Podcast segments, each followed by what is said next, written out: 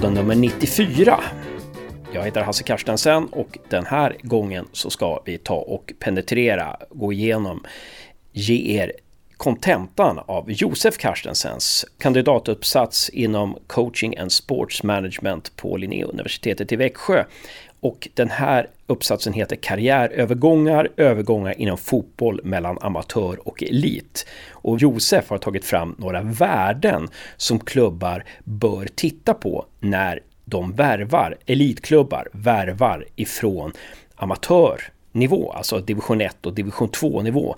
Några värden som är viktiga att titta på för att göra en lyckad värvning. Josef har gjort några djupintervjuer med spelare som har lyckats ta steget från amatör till elit och dragit vissa slutsatser. Välkommen förresten Josef! Tack så mycket! Och en sak som slår mig när jag läser den här uppsatsen det är att de här spelarna på division 1 och division 2 nivå, det de berättar om väldigt mycket det är att de har fått offra väldigt mycket. Det har varit ganska kämpigt att spela på division 1 och division 2 nivå. Kan man försöka definiera vad det är som har gjort att ja, man har fått offra ganska mycket? Det man skulle kunna säga har definierat uppoffringen är framförallt att spelare måste ha två jobb. Eh, man måste prestera som fotbollsspelare och försöka agera professionellt. Samtidigt måste man måste ha sin primära inkomst från ett annat jobb. Som några av spelarna säger i intervjuerna, det är att det blir ofta sena kvällar. Man jobbar på dagen och sen ska du vara pigg nog till att prestera på en träning för att sedan få spela på match. Och eh, när du väl spelar på match så måste du göra det bra. Och ta hand om sig själv i återhämtningsprocessen också. Till skillnad från, en, från när han berättar att de har kommit upp på eliten, att eh, träningarna är ju på dagen oftast. Och det är ju deras jobb, eh, deras enda jobb. Så att eh, då går de ju upp, tränar förmiddagen, sen är de lediga eftermiddag. Och någonting som jag tror spelarna säger, de tvingas tänka som proffs fast de är amatörer. De har ett jobb som i princip är oavlönat, som är, tar väldigt mycket tid och samtidigt måste de ha ett andra jobb som är avlönat då, vid sidan av fotbollen. Och sen gäller det också att de ska ha väldigt mycket tur också. Oavsett om man lägger ner allt jobb och gör en bra prestation av en hel säsong så kanske inte det är nog för en spelare att bli värvad till en större klubb. Utan man kanske måste göra det här en säsong till, eller två säsonger till, innan man blir upptäckt och får en chans. Precis, för det är också någonting som sägs i den här uppsatsen som spelarna säger att jag hade tur där. Att det handlar om att tränaren ska tro på en, kanske ett tränarbyte. Helt plötsligt är det en tränare som ser en. Vi får hoppas att om, när klubbarna, elitklubbarna, scouting blir bättre och man eh, ja, börjar scouta spelarna hårdare i division 1 och division 2 att man ser de här talangerna som inte får spela så mycket.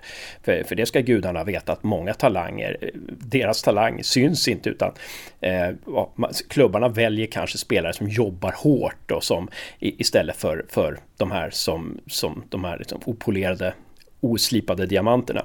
Men förra veckan så gjorde vi en liten trailer till det här och då pratade vi om olika värden. Du har tagit fram olika värden lite som Moneyball då, den här eh, baseballfilmen där man försöker hitta olika värden för att, för att hitta rätt spelare. Och du har ju du har försökt liksom ringa in vissa värden som, som elitklubbarna kan titta på när de värvar ifrån division 1 och division 2 från amatörnivå.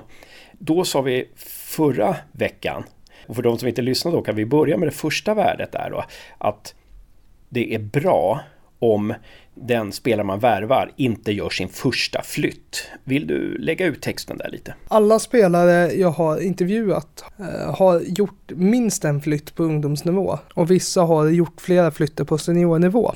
Det innebär att spelaren är van med att byta klubb och byta miljö. Framförallt när man byter till en amatör till professionell miljö kunde vissa spelare uppfatta att eh, de som inte hade gjort den här, by det här bytena utan gått raka vägen upp från ungdom till senior har ibland underskattat det hårda arbetet som har lagts ner för att ta sig dit. Spelare kan vara vana, en del har ju extremt mycket talang och är väldigt bra väldigt tidigt i åldern, eh, som kanske aldrig kommer behöva spela på amatörnivå.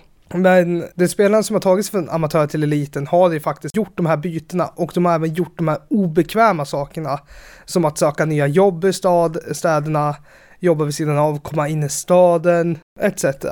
Eh, en spelare som inte direkt går från moderklubben eller går från juniorverksamheten till seniorverksamheten har helt enkelt eh, förstått vad det handlar om lite mer än någon som får allt serverat, eh, går från en junior till senior och kanske inte behöver flytta eller överhuvudtaget så här. Så att, så, så att det är någonting, det är ett värde som klubbar, elitklubbar verkligen ska ta titta på. Har den här spelaren gjort någon flytt innan? Eller? Det är väldigt intressant. Vi har ett till värde då, det här med akademi. Många elitklubbar tittar ju på så här, ja, men kommer han eller hon från en väldigt bra akademi? Nej, det gör inte Ja, då kanske vi är lite mer restriktiva, men det du har hittat i din studie är att det är inte alltid så väsentligt att ha tillhört en akademi. Vill du utveckla?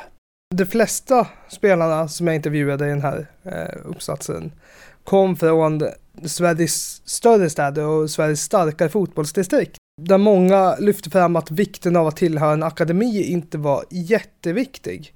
Utan det viktiga var att få spela och ha kul, framförallt i yngre nivåer. För att sedan hitta motivationen till att kanske blomstra. För många spelare i en större stad som är en väldigt bra fotbollsdistrikt, till exempel Stockholm, håller lagen utanför akademierna också så pass hög klass att det inte betyder så himla mycket att inte tillhöra en akademi. För en akademi har ju som sagt begränsade platser och vill spetsa gruppen. Så det är många som kommer, många bra spelare som inte kommer in i akademier eh, i storstäderna, men som kanske hade varit eh, eh lagets stjärna i någon mindre stad i Sverige. I och med att det är så tajt om platserna i akademierna i de starka fotbollsdistrikten, säga Skåne, Göteborg, Stockholm, så är chansen att tappa en talang ganska stor. Och då ett värde är alltså bland elitklubbar att inte stirra sig blinda på det här om någon spelare tillhört en akademi, till exempel i Stockholm, Göteborg och Malmö, eftersom det kan vara lika bra att ha spelat på A-lagsnivå i en eh, klubb eh, lägre ner. Ja, då många av de här spelarna hade tidiga seniordebuter, många gjorde runt 16 års ålder eh, som senast, och det var i lägre divisioner, det var i division 3, division 2, division 4, då debuterna skedde. Det intressanta är väl att när vi pratar om att en spelare ska bli en elitspelare, om man pratar om de här större distrikten, Göteborg, Stockholm och Skåne, så vill man ju att sina spelare ofta ska bli, inte bara elitspelare, för det tar man för givet att de blir, utan de vill ju att de ska bli Europaspelare. Akademierna har så pass hög nivå på sina spelare i och med att det är tajtare trupper, där ambitionsnivån inte ligger att bara bli, bli en elitspelare, utan det ligger ännu högre. Och därför kan det bara räcka med att spela i en, en klubb runt omkring i starka distrikt, för då kan du fortfarande bli en elitspelare att kanske bli en Champions League-spelare eller Europa League-spelare, det kan bli mycket svårare om du inte tillhör en akademi. Men det är inte det uppsatsen handlar om. Bra förtydligande där Josef.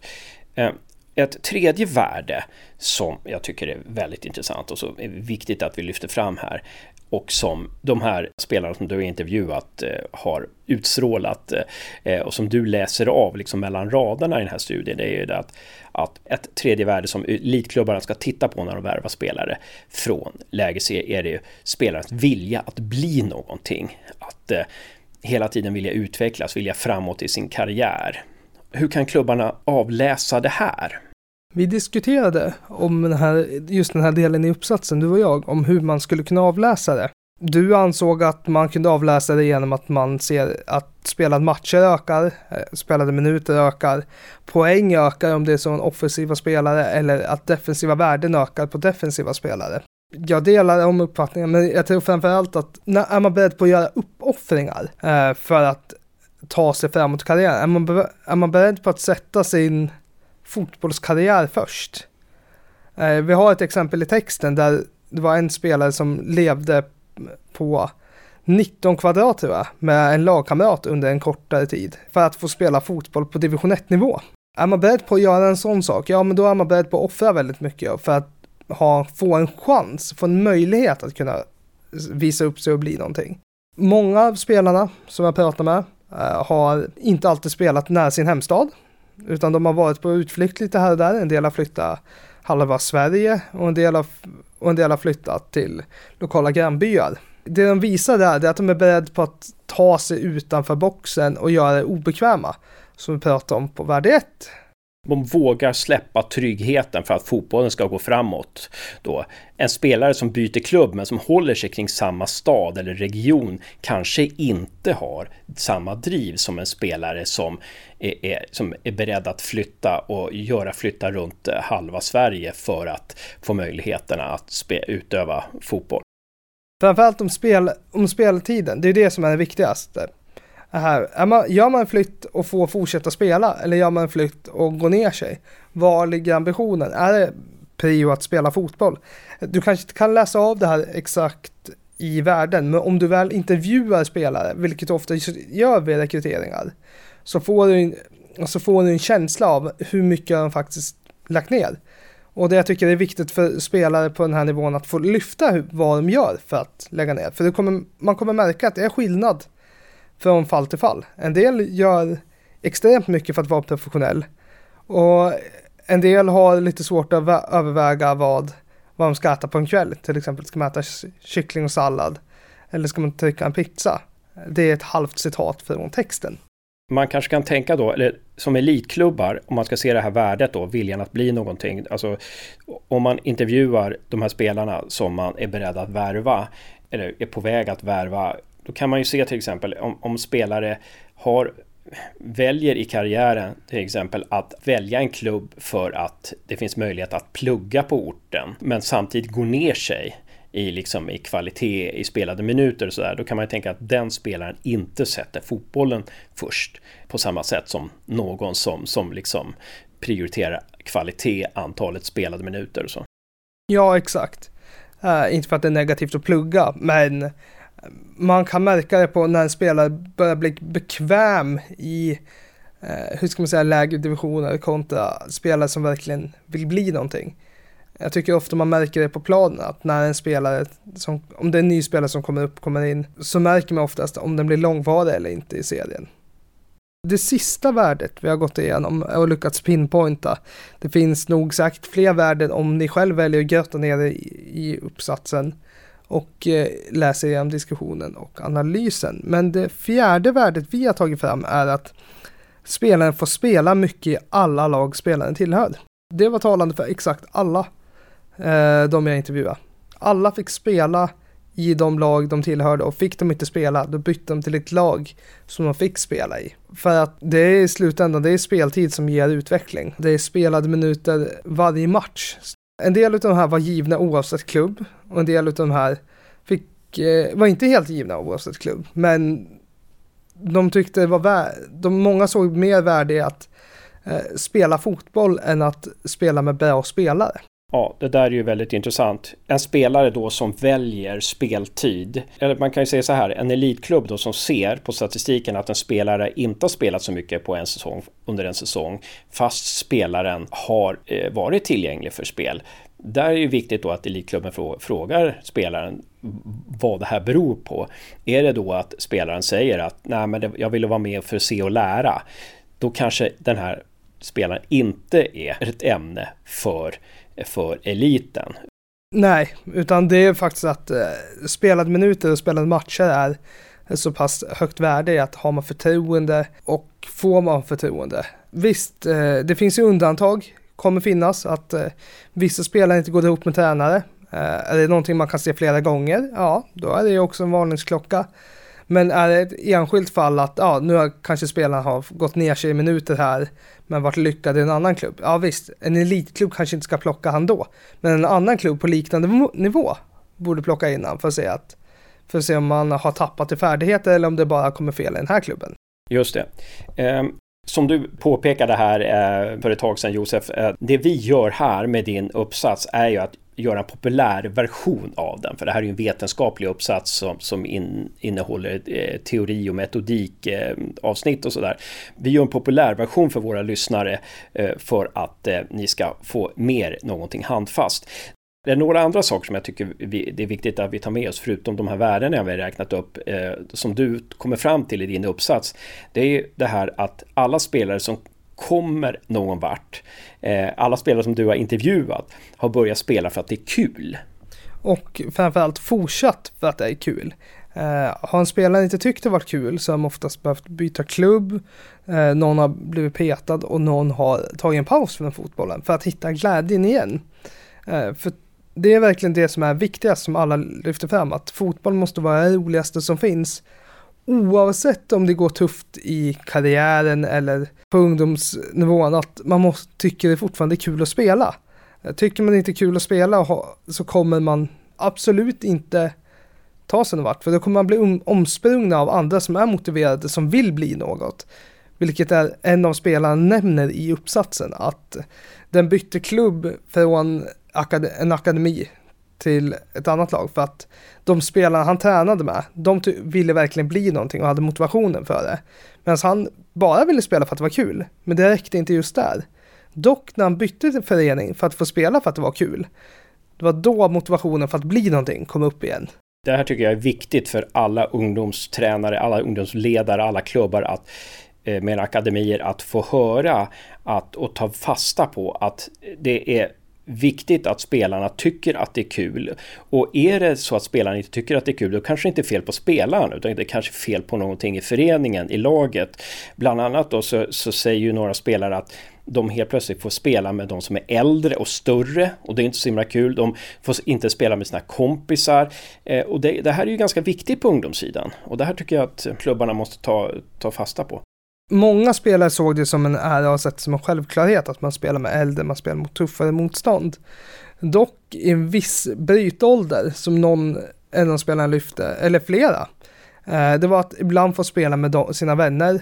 För vissa ålder, framförallt vid 12-årsåldern, lyfte några att det var lite känsligt med att spela med de som är äldre. För ett år i början av tonåren, eller innan man kliver in i tonåren, kunde vara väldigt, väldigt mycket. En spelare nämnde, nämnde till exempel att han hade svårare fysiskt eh, och var lite senare utvecklad fysiskt och hade därför svårt, svårt att spela mot äldre. Dock så var han så pass skicklig när han spelade med lika gamla att de visste att när den fysiska biten kommer så kommer han blomma. Med det sagt så visst, mm, det behöver inte vara något negativt när man spelar med äldre eller med en helt annan grupp. Men ibland, någon gång i karriären så kan det finnas en fördel om man spelar med lika gamla. En annan intressant sak som du har kommit fram till i uppsatsen och som du eh, frilägger när du gör dina intervjuer, det är att det är viktigt att klubben lär spelarna att tänka professionellt. Eh, alltså, det räcker inte bara för elitklubben att avlöna spelarna som heltidsproffs, utan spelarna måste lära sig vad som är prof professionalism, vad, vad, vad helprofessionalism handlar om. Alltså, det, är ju super, det, det, tycker jag är superintressant i den här uppsatsen. Det har ju många av de här som du intervjuar är ju väldigt positiva till de här, till de här klubbarna de har kommit till, för de har ju verkligen säger ju att de har fått lära sig det, men det tror jag också är viktigt att elitklubbarna tänker på. Att det är ingenting som en spelare som kommer underifrån, som kommer från division 1, division 2, amatör, eh, akademier eh, automatiskt vet vad det innebär att leva som helproffs. Någonting du vill tillägga där, förtydliga där? Vi tar citatet från uppsatsen som jag tycker är så otroligt talande. Det var en spelare som precis hade blivit en elitspelare. Och han sa att det jag inte var förberedd på var när jag ser tillbaka var sömn, kost, förberedelser innan och efter träning och hela den här biten. Behöver jag Red Bull eller behöver jag vatten? Vad blir det till middag? Blir det pizza eller blir det sallad och kyckling?